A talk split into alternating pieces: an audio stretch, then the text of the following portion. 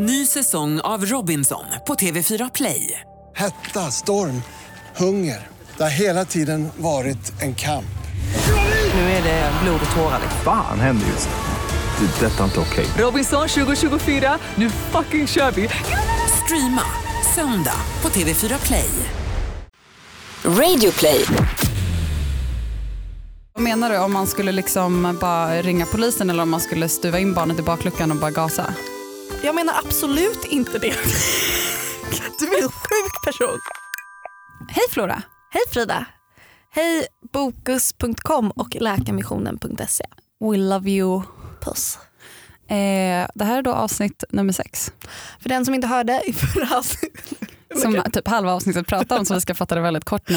Frida tittar med hård blick på mig. Nej, men för vi, vi har bestämt oss för att ta en paus eh, så det här blir det sjätte avsnittet. I, vi börjar räkna neråt nu. Ja, Förra var sjunde, sjätte, sen blev femte, fjärde, tredje, andra, första. Mm. Eh, tyst. Sen blir det tyst. Ehm, och med det sagt så kickar vi igång det här avsnittet. Raggadagadish. Får jag, får jag visa en cool grej som jag kan? Ja. Gud.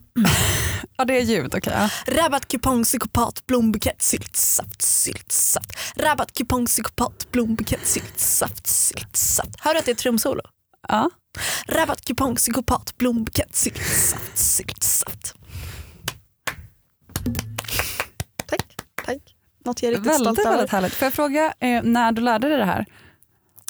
Eh, det var min eh, styvbror som lärde mig det här. Är det nyligen eller något du har kunnat länge? nej, jag har kunnat det här ganska länge måste jag Ja, säga. Det inte för att skryta, inte men- Nej. Men, eh, men eh, nu kan jag lära er. Rabattkupong, psykopat, blombukett, syltsaft, syltsaft. Rabattkupong, psykopat, blombukett, syltsaft, syltsaft. Nu går jag då. Hej då. då. Kom tillbaka, kom tillbaka. Det var jättefint. Det var jättefint. okej. En gång, nej jag skojar, inte en gång till. Men det var väldigt bra. Ja. Jag eh, eh, hängde med Nim häromdagen. Ha. Uh, ja, eh, det gjorde jag. Och då berättade hon eh, om en lek. Jag älskar lekar. Eh, hon berättade lite så minnen från när hon gick på gymnasiet. Mm. Vi gick på samma gymnasium men hon gick några år efter mig. Eller jag gick, jag gick i trean och hon var ettan tror jag. Mm. Eller något sånt. Jag lägger upp det här. Så här. Barn och ungdomar har ju alltid använt lekar som ursäkter för att komma nära varandra. Jag tänker typ, när man var liten kanske man lekte doktor för att det var lite spännande med kroppen. Man kanske så här, ja. Vissa gjorde det mer eller mindre avancerade doktorslekar men det fanns ändå där på alla plan. Mhm. Eh, jag tänker sen kanske i typ så här låg mellanstadiet kanske man började lite försiktigt med ryska posten. Mm. Eh, att man, alltså att någon sitter i ett rum och så ska den andra peka så här, den, den, den typ och så bara ja, den och så får den komma in och ska vara så här handtag, famntag, klapp eller kyss. Typ. Eller är det som är ryska posten? Eller jorden runt. Vad är det? Är det alla? Allt. Ja. Aha. Sen finns det ju också massa andra som Ja. är... Ja. I alla fall, man använder lite sådana grejer för att komma igång. Det finns också sanning och konka. Där man så här, väldigt konsekvent så kanske man får hångla med någon. Bla bla bla. bla. Ja, men jag bara säger att det finns ändå många sådana lekar. Och, Ja, ja. och alla sådana lekar, när en sån lek ska lekas så är det väldigt tydligt så att man, vad syftet med det är. Det är lite spännande och sådär. Och de har jag hört eh, om. Och det här är en lek i lite samma kategori men som ändå blew my mind. Hon berättade, de på gymnasiet på fest hade lekt en lek. Och jag vill också lägga till att hon, hon berättade om den här leken som att det var helt självklart att man hade lekt den. Så vi får se nu om du känner igen det här. Leken går ut på att man alla eh, går runt i ett rum, promenerar runt i rummet så det, det, det, det, bara plan, eh, liksom så här, åt olika håll, går runt, snurrar runt sådär. Eh, och om man stöter in i en person i rummet, eh, då måste man hångla med den. Har du hört om den här leken? Aldrig. Är inte det det mest bisarra du har hört? Hur gamla var de? Det är inte ens en lek. Det är också så här, det är På väldigt lätt. gymnasiet. Men gud, det är också väldigt lätt att, att så här, självmant gå in i någon. Ja men det gjorde hon ju också. Ja. Hon bara, det var en kille jag var intresserad av, jag gick igenom honom tio gånger. Men alltså, eh, Det är så oblygt. Det är så fruktansvärt det oblygt. händer bara på Södra Latin. Nej men eh, det, jag älskar det här. Alltså jag vill vara på den här festen. Men det, det som är så himla sjukt med den här leken är att så här, ryska posten och sanning och konka, på ett sätt de är ju mycket mer sofistikerade. Då kan man i alla fall låtsas att så här, det är Känner lite du dig lite förnärmad? Nej, inte förnärmad men jag bara är fascinerad för Mm. de lekarna är ändå mer sofistikerade. Man kan ändå så här, liksom lite låtsas att det finns andra dimensioner av det. Mm. Men det här när man bara ska gå runt i ett rum och krocka med folk och få hångla. Mm. Det, är så, det är det mest oblyga jag har hört. Och jag, så här, vem har balsen nog, eller the ovaries enough, att pitcha den leken? Typ så ah, hörni, jag har en förslag på en lek, vi alla går runt i en cirkel och går man Var in i någon måste man hångla. Det sa hon inte. Hon sa, hon sa att det var en kille som bla bla bla, men I don't know. Jag tycker det är helt briljant. Jag kan tipsa om den här leken. Men jag har, jag har verkligen, Om man inte fått hångla eller vill hångla mer. eller kan alla bara börja så här anordna singelfester? Alltså nu är inte jag singel men så här, jag fattar inte varför det här är en grej i tv-serier, typ Sex and the City och typ så här vänner och sånt. Men i, i, i verkligheten så anordnar ingen singelfester. Jag menar alltså att, att alla, man bjuder in en singelvän som får ta med sig en singelvän. Så alla som kommer på Ah. festen är singlar. Alltså det, det är liksom separatistiskt för singlar. Men Jag- det här är ju jätte, det här har jag inte ens tänkt Och på. det måste liksom vara en hemmafest också för det får Ja. inte vara ute på och klubb. på den här festen kan man leka den här att alla får gå runt Det är där man perfekt. sätter in i. Det är helt perfekt. Vi borde anordna en sån fest, Flora och Fridas singelfest. Ja, nu, ja, jo, Men vi kan ju bara anordna den. Liksom. absolut. Ett sanning och konka-tält, ett shot-tält och ett rum för leken när man går in i någon. Kan vi ha ett tält med kattungar också? Det är klart vi ska ha det. Tack. Ehm, jag kommer tänka, när du börjar prata om hångla så kommer jag att tänka på eh, mina första hångel som jag tror att jag jag tror att jag ofta pratar om mitt första hångel, typ Ja. den jag hånglade med på elverket. Men att jag Ja. mer och mer har tänkt på sistone de, att jag så många gånger har hånglat med mina kompisar innan dess. Ah. Alltså att typ ehm, min kompis hon hade en, eh, en jacuzzi på Mm. sin tomt när vi var eh, tonåringar. Vi Mm. var eller, liksom små. 12 typ. Är man tonåring då? Nej jag kom på det nu. 12. Att, ja, ja, vi var liksom 12 år. Mm. Typ. Och att vi satt och bubblade runt i den där jacuzzin och övade på att hångla med varandra. Liksom. Mysigt. Väldigt mysigt. Och även så här, min första fylla slutade med att vi hånglade jättemycket. Eh, och att jag bara tänker på det, att jag skulle typ vilja hoppa tillbaka i min kropp Mm. och, och liksom ha analysen jag har idag. Typ så här, okej men typ blev jag kåt av det här? Jag minns typ inte om jag blev Mm. kåt. För jag minns när jag, när jag hade min första fylla, då var jag typ 13. Och jag, var, jag och eh, min kompis Jana var hemma hos henne och vi drack massa eh, sprit ur hennes eh, föräldrars barskåp. Fyllde den upp med vatten sen? Nej men vi, vi tog, vi, vi gjorde inte den. Vi tog, vi tog så här lite korkarna, shottade ur korkarna, Ah. på, så vi tog typ en kork från Ah. varje. Och sen så började vi hångla och hånglade jättemycket och jag minns att jag typ så här låg på henne och hade typ knät mot Mm. hennes skrev. Mm. Och jag visste ju då liksom så här, det här är ju, alltså jag, försö- jag liksom, det är ju sexuellt, verkligen. Mm. Men jag minns att jag sa så här, mm, Dennis, för att jag typ var kåt, eller jag så här, skulle låtsas som att jag typ tänkte på Dennis men jag tror att jag typ egentligen tyckte att det var härligt. Ah. Ehm, jag tänker bara så här, förnekelsen av så här, sin sexualitet när man är i den åldern bara, jag får inte gå igång på mina kompisar. ja, typ. eller på en tjej. Liksom. ja verkligen. Jag kommer också ihåg att jag eh, hade en nära tjejkompis och, och när vi hade varit ute sådär att man kanske kom hem och man skulle sova ihop, att man så fortsatte hångla och typ så ändå var i underkläder och typ så lite Vadå, hur gammal Ja. var du då typ? Men hög, tidigt högstadie Ja. kanske. Nej, Sexan. men, ja, och det var så himla lätt också att bara så här, nu hånglar vi för vi testar att hångla Ja, för vi måste ja, lära oss. Typ. Men egentligen så var det, det var ju, i stunden var det hur mysigt som helst också bara göra det. Gud. Liksom. Gud. Så jag tänker att man var så himla mån om att hela tiden bara så här, sugarcoata det med något annat. Liksom. Och, gud, ja, det är så himla spännande. Men man man så här, hånglade väldigt mycket och kanske så här, gjorde sånt med tjejkompisar men man tänkte ville aldrig utstråla eller tillät sig kanske själv att tänka att så här, det var nice. Utan man var så himla inställd på att man skulle vara ihop med en kille. Mm. Och att eh, en, en, en eh, annan lek jag verkligen kommer ihåg från när jag var yngre det var att eh, vi lekte dejt. Eh, och jag och en kompis och den leken gick ut på att man klädde på sig de finaste kläderna man hade, man typ satte på sig smink och sen så pratade man om att så här, ens pojkvän snart skulle komma och hämta upp en med sin motorcykel. och så var det bara att man så här preppade sig och gjorde ordning sig för den här dejten när killen skulle komma med motorcykel och sen så avslutades leken med att han kom och så låtsades man hoppa upp på en motorcykel och att man åkte iväg på motorcykel. Men sen slutade alltid leken för man visste liksom inte riktigt vad som hände e- e- efter det. Eller så, utan det var bara det. Liksom. Men det är väldigt som att man så här, övat sig på att så här, nu ska en kille komma på motorcykel och vi ska gå på dejt. Mm. Alltså att det är så här, oh, mamma, pappa, barn och så här, att man så himla himla tidigt. Vet du att jag alltid var pappan och jag var alltid Ken när jag lekte. Ah. Jag har försökt, jag har försökt komma på det här är. Dels tror jag att det är att jag offrade mig. Ja. Att jag så här, all, ingen, alla ville Ja. vara stora syster typ, eller Ja. lillasyster. Men också att jag tror att jag tyckte, jag tänker också att det, så här, det bisexuella draget i mig kommer fram där. Att det är så här, Ja, och- jag vill vara ihop med mamman hellre än pappan. Typ. Ja men också, också väldigt. Jag tog också den eh, killrollen ofta Mm. i typ lekar och i teatrar och sånt. Men det kanske är för man får styra och ställa Ja, lite också. det är att Ja. man får bossa mer. Man får Mm. mer att säga till om. Är man pappan i mamma, pappa, barn då får man bestämma mer. Mm. Eh, Fast I alla för fall på Boston typ är såhär, skola. nu går jag till jobbet, hej då mina barn. typ så. Ja, den- Gick runt i en massa blå overall. Liksom. En gång där jag verkligen propsade på att jag ville vara killen var, eh, jag älskade Grease. Mm. Eh, älskade du också Grease? Oh ja. Alltså det var det bästa. Eh, musikal, Mm. eh, John Travolta huvudroll, Mm, mm. Danny. Mm. Mm, mm, mm, mm. Eh, och då satte jag upp, satte upp. eh, ja, men då satte jag upp den musikalen på klassens timme när vi gick i tvåan eller trean. Och jag skulle såklart vara Danny. Så jag hade så här skinnjacka, tog med sig skinnjackor till alla som skulle vara i mitt T-Birds gäng.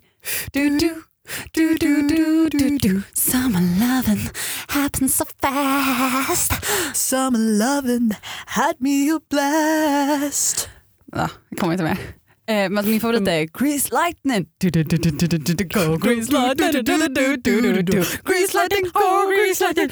Då körde vi den också. Tog vi, ja, i alla fall. Men tänk dig då liksom Bollstanäs skola, Upplands Väsby, trean. Jag som Danny i skinnjacka. Jag hade stått med mig eh, urdruckna ölburkar hemifrån som var som så här rekvisit att vi stod och drack öl. Wow, vad du måste känt dig cool när du Jag vet! Skinnjacka som eller så här rullad, ihoprullad pappersbit Ja. bakom örat som en cigarett. Och min kompis Viktor hade varit på Buttricks inne i stan, uh, åkte Drottninggatan in i Wow. stan, gått på Buttricks och köpt så cigaretter. Då fanns det cigaretter som man eh, eh, blåste luft genom dem så kom det ut som så här fejkrök. Så vi hade massa sådana. Alltså, tre, alltså vi, var, vi var barn och såg i alldeles för stora skinnjackor, fejkcigaretter och typ så här ölburkar och bara go du, du. Alltså det var så himla...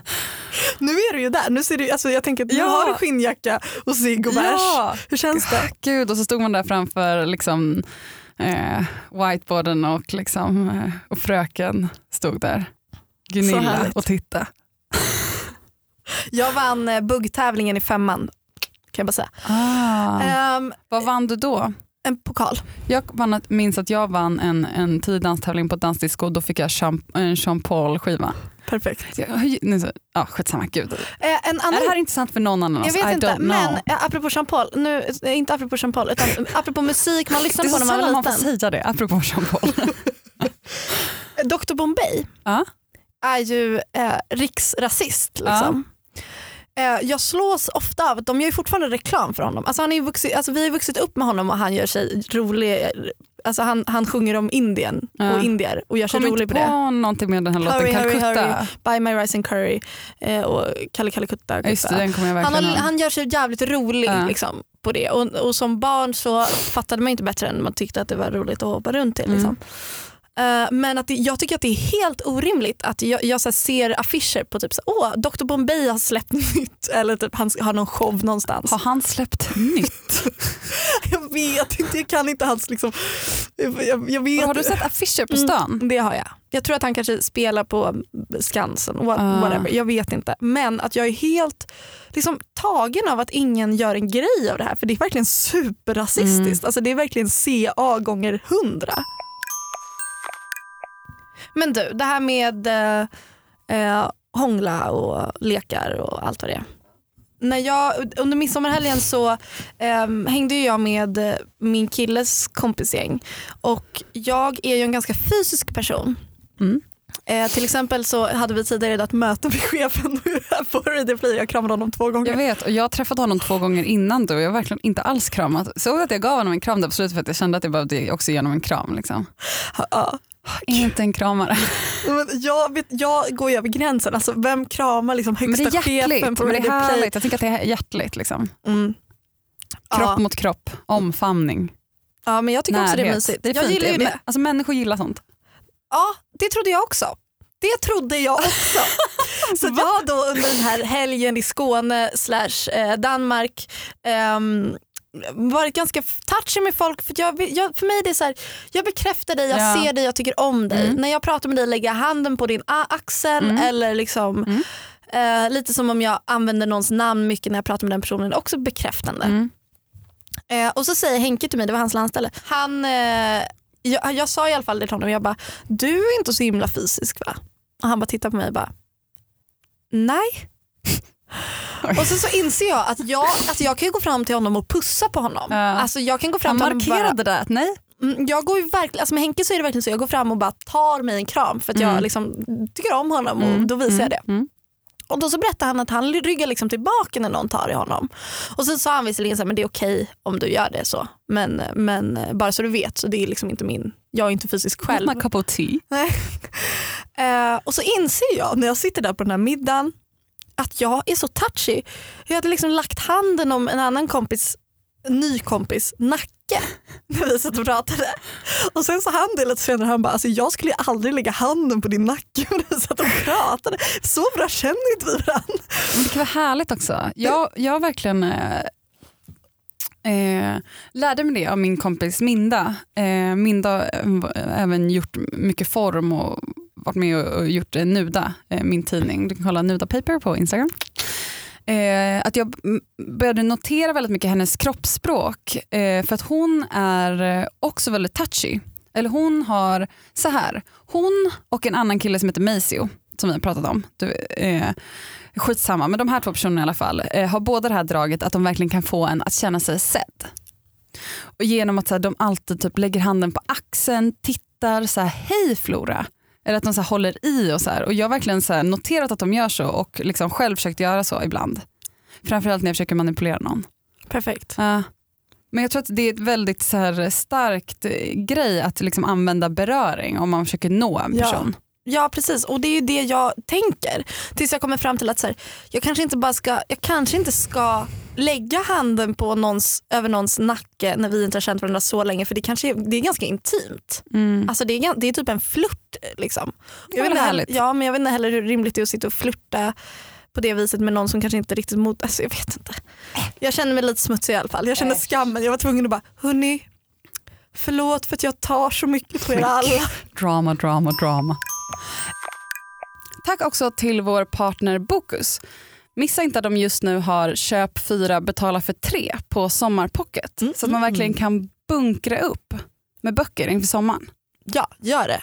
Och för att få ännu fler tips så kan man gå in på deras hashtag som heter det finns alltid en bok. Eh, och den kan man hitta på deras Twitterkonto som är atbokus_com. Eh, så här, vi har ett litet dokument, jag och Flora, eh, på Google Docs och det säger jag för att jag tycker att det känns så high tech. Eh, där man så här, ibland skriver in en rad, typ så jag vill prata om det här ämnet. Eh, och nu när jag kom in i poddstudion så ser jag att Flora har fyllt i här och där står det eh, om man råkar döda ett barn. Flora, vill du utveckla den här punkten du vill prata om? Jag har dödat ett barn. Hur ska jag reagera på det här? Jag kan inte skratta för då kommer det mail. Jag kan inte Nej, utveckla. Vad, vilket barn är det alltså, som obs, du har det här haft ska inte bli ihjäl? ett, ett seriöst, vi ska inte, vi ska inte liksom dissekera. Vi ska inte Nej, men jag orkar inte nu. nej. Inte Ingen jävla PK-skit nu. Berätta bara om barnet du har dödat Flora. Eh, på vägen hem Obs, från... jag tycker att PK är fett nice men ibland så kan man få prata om att man dödar barn. Just det. Det är fan en kvinnas rätt att få döda ett barn. Ja. Det är det fall. Ja. Eh, på vägen hem från, Eh, på vägen hem från eh, Skåne så stannade vi till vid en bensinmack, skulle köpa en god glass. Vi stod i solen, hade det lite gött tills att någon bara, äh, vänta, det är hundar i bilen och det är jättevarmt. Och så började vi prata om det, så här. Då, då, då sprang Carlotta iväg och släppte ut de här två hundarna som vi hade med på resan. Ja, det var era egna hundar? Ja. Jag trodde att ni hade sett hundar i någon bil. Nej, utan det var vi som hade ni de här hade med er hundarna. hundar och ni glömde bort era egna hundar ni hade med. Det är inte mina hundar, okej? Det är gemensamt ansvar. Eh, Bill och Nelson stack upp sina små bulldog-huvuden. Och jättekänsligt ämne att prata om hundar. just det.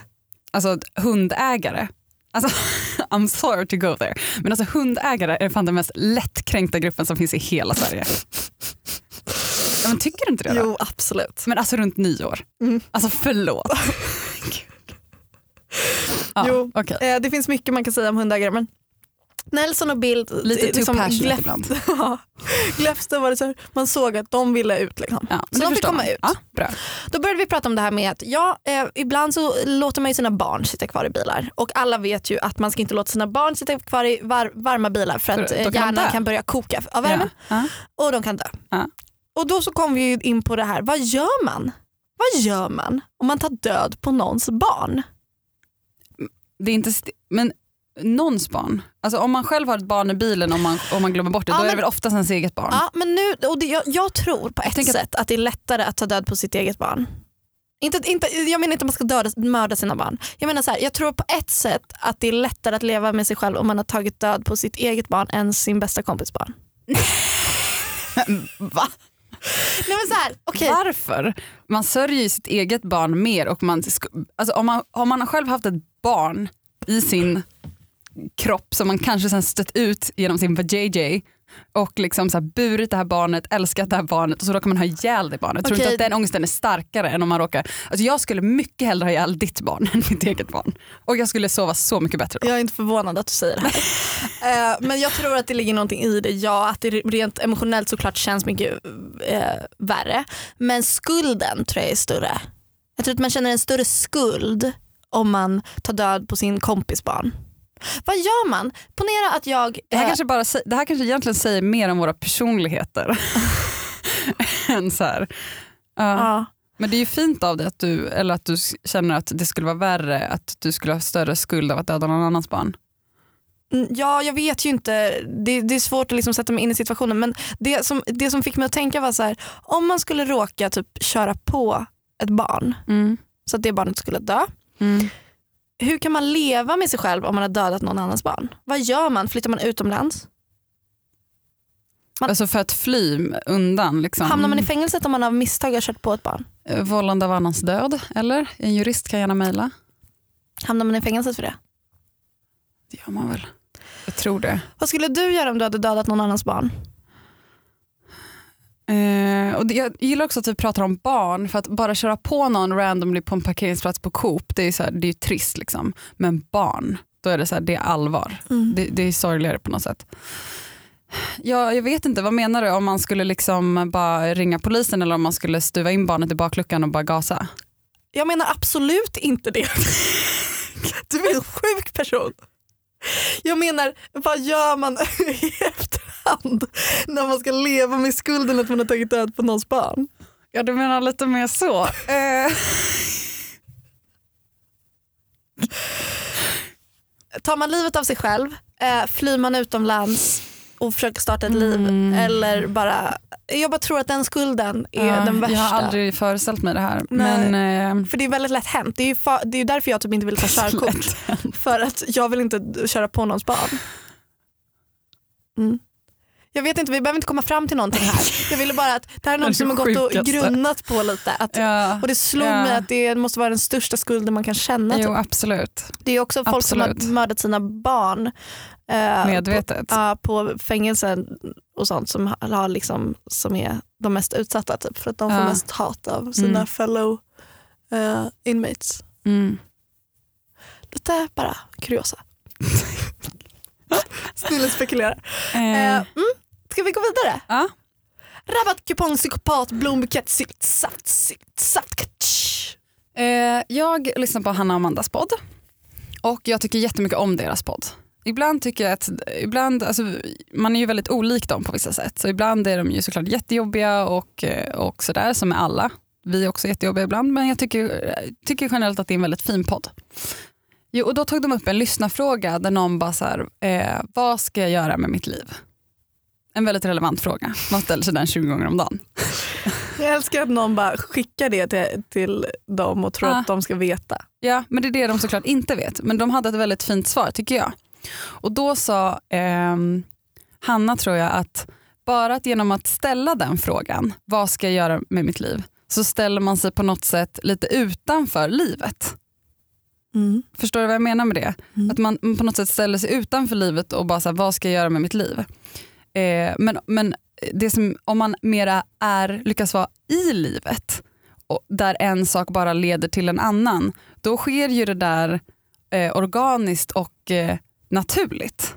Alltså livet blir ju ofta bara vad det blir på något Mm. sätt. I att så här, man halkar in på någon utbildning, man kanske börjar på något jobb av en slump och så trivs man och sen så fortsätter man med det fast man inte tänkte att man skulle göra det från början. Eller sådär, att man, bara, här, man glider fram genom livet och det är oftast kanske så man hittar sin väg. Inte när man stänger in sig två veckor och sitter på sin kammare och bara vad ska jag göra med livet nu igen? Ja, jag håller inte med om det här. Nej du gör inte det. Nej, för jag, tycker, jag tycker inte man halkar in på en utbildning.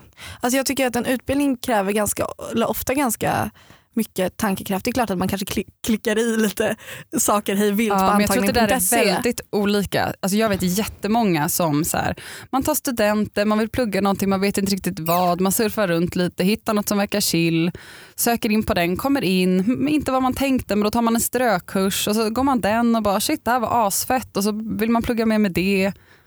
Eller att det så här, alla har ju inte så en tioårsplan Nej, verkligen och det är inte. okej att ha det också. Mm. Men jag att- bara undrar om inte det här också är ett sånt svar som är så här. Vissa människor måste ju verkligen göra en plan för att kunna ta sig från där de är nu om de vill det. Liksom. Men Alltså, om- verkligen, om man har, alltså jag säger inte gud, så himla diplomatiskt åt alla håll. Alltså, alla är så himla olika och man har så himla olika förutsättningar. förutsättningar och allt sånt där. Och, och eh, inte bara så mycket så. Men, men jag kan tycka att det var väldigt skönt för att jag har väldigt mycket det senaste året, också eftersom det har varit så himla kaotiskt på så himla många sätt, har jag väldigt mycket tänkt så här, vad ska jag göra med mitt liv? mm.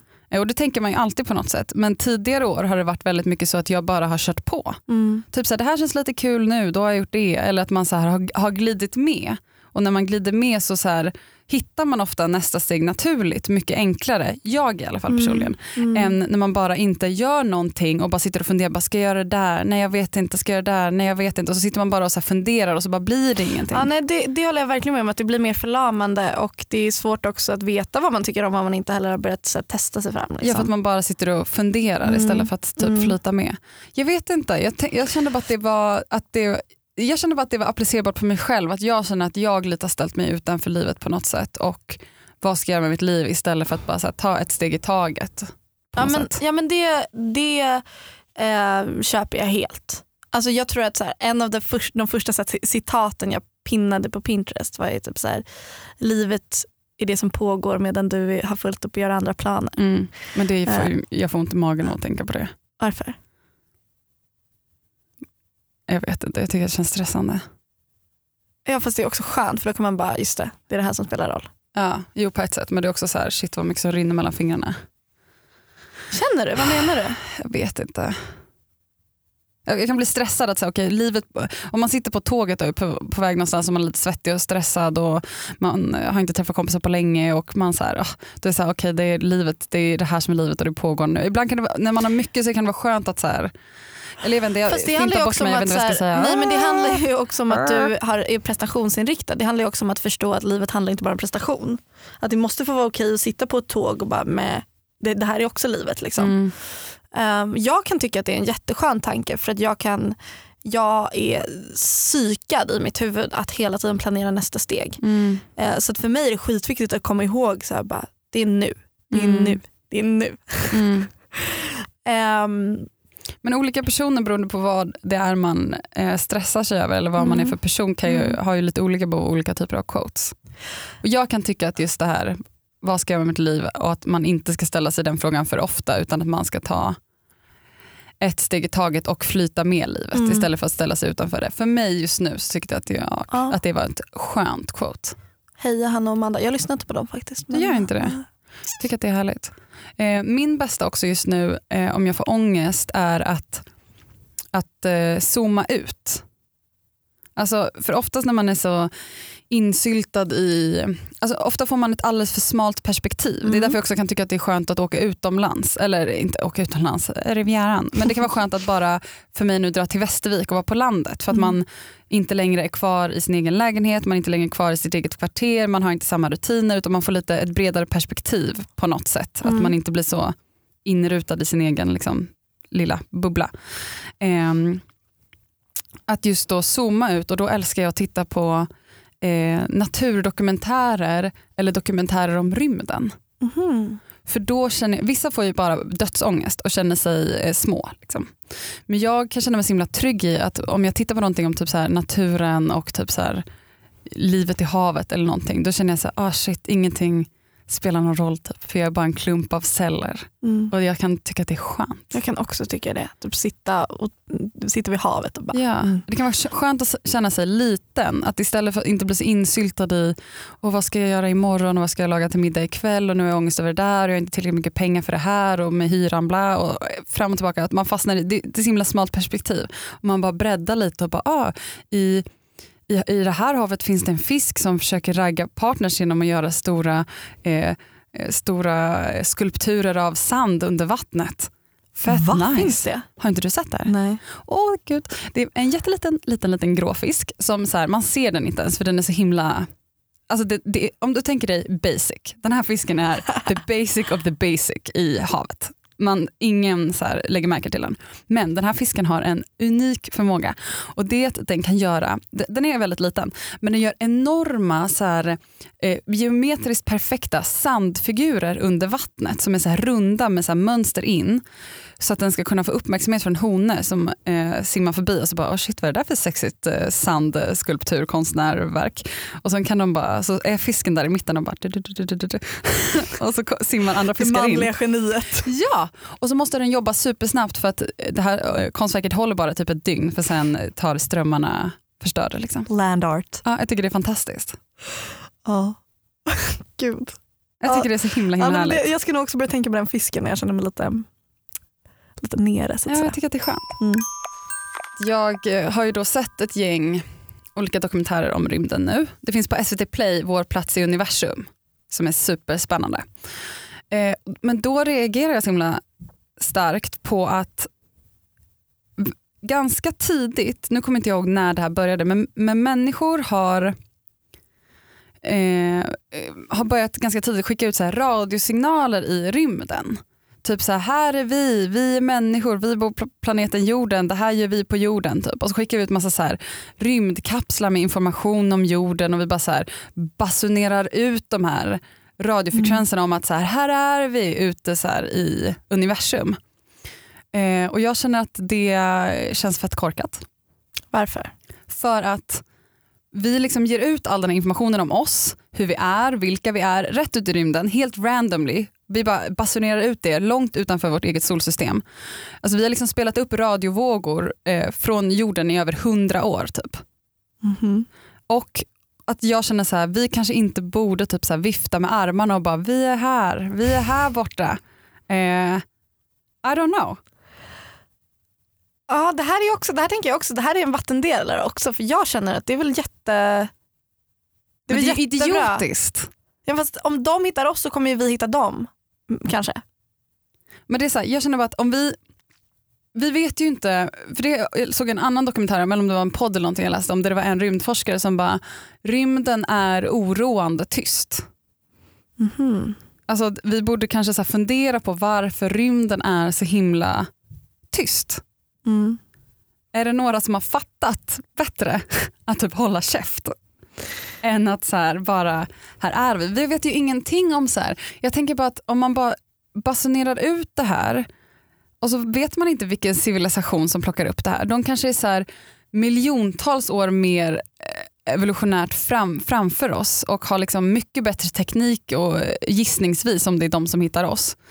Och så har de någon? Donald Trump-ledare som bara plockar upp den här signalen och bara shit de har fett mycket bla bla bla och så bara kommer de och eh, Jag vet att jag Ja, låter som det- åtta det år men jag tycker att det är mörkt. Mm. bisarrt att, vi är så, att, att vi är så chill med att bara berätta vart vi är. Ja, jag, tycker att det känns, eh, jag tycker att det känns härligt. Du har så himla hög tro på, Mm.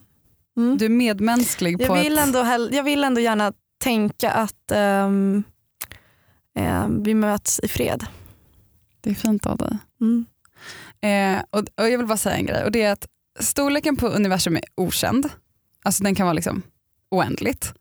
Och den delen av universum som är synlig från jorden, alltså det, det universumet vi själva klarar av att eh, observera, det är en sfär på en radie med ungefär 46 miljoner ljusår. Alltså ett ljusår är ju liksom den tiden det tar för solen, ljuset att färdas. Typ. I don't know. Det är stort. Eh, och om solen är en stjärna och det finns ungefär 100 miljarder stjärnor i vår galax. Du är en av dem. Nej, solen är en av dem. Oh, nej, Okej, jag fattar. Du är en stjärna på min himmel. Du med. Eh, och- alltså 100 miljarder stjärnor i vår galax som i sin tur är en av ungefär 100 miljarder galaxer i bara det observerbara universumet. Så det finns kanske 15 miljarder beboeliga platser bara i vårt solsystem om man bara går efter den här stjärngrejen. Hur känns det här Frida? Eh, svindlande och det ger mig lugn i själen. Ja. Nej, för mig, för mig är det inte lugn i själen. Alltså. Och sen så stämmer inte det riktigt för alla de här platserna kring de här solarna har ju inte så bra temperatur och en perfekt atmosfär och bla bla bla. bla, De är inte lika perfekta som vi. Nej, men alltså förstå, så här, Nej, jag tycker typ att det är jobbigt att tänka på. Kan vi, kan vi det finns så mycket liv i rymden som vi inte har någon aning om. Eh, och vi vet så himla lite om det livet. Men hur ska du så- ha det? Tycker du att det känns härligt eller tycker du att det känns hotande? Jag tycker att det känns härligt, jag tycker att det känns spännande. Jag är helt övertygad om att det finns massa liv i universum. Säkert i det vi kan överskåda men om inte det så bakom kröken runt det vi inte kan överskåda. Och det är just därför jag känner lite oro över naiviteten med att berätta exakt vart vi är. Jag är oroad. Det här är ett öppet meddelande till svenska staten. Jag är lite oroad över det här. Kan någon se över om det här är en smart idé? Åh.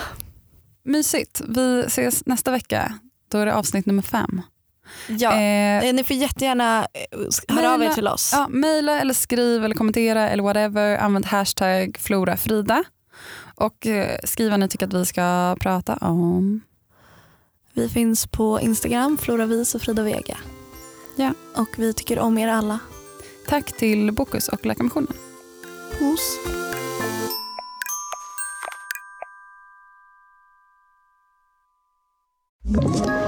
Ett poddtips från Podplay. I podden Något Kaiko garanterar östgötarna Brutti och jag, Davva, dig en stor dos skratt. Där följer jag pladask för köttätandet igen. Man är lite som en jävla vampyr. Man har fått lite blodsmak och då måste man ha mer. Udda spaningar, fängslande anekdoter och en och annan arg rant. Jag måste ha mitt kaffe på morgonen för annars är jag ingen trevlig människa. Då är du ingen trevlig människa, punkt. Något Kaiko, hör du på Podplay. Därför är gardinerna.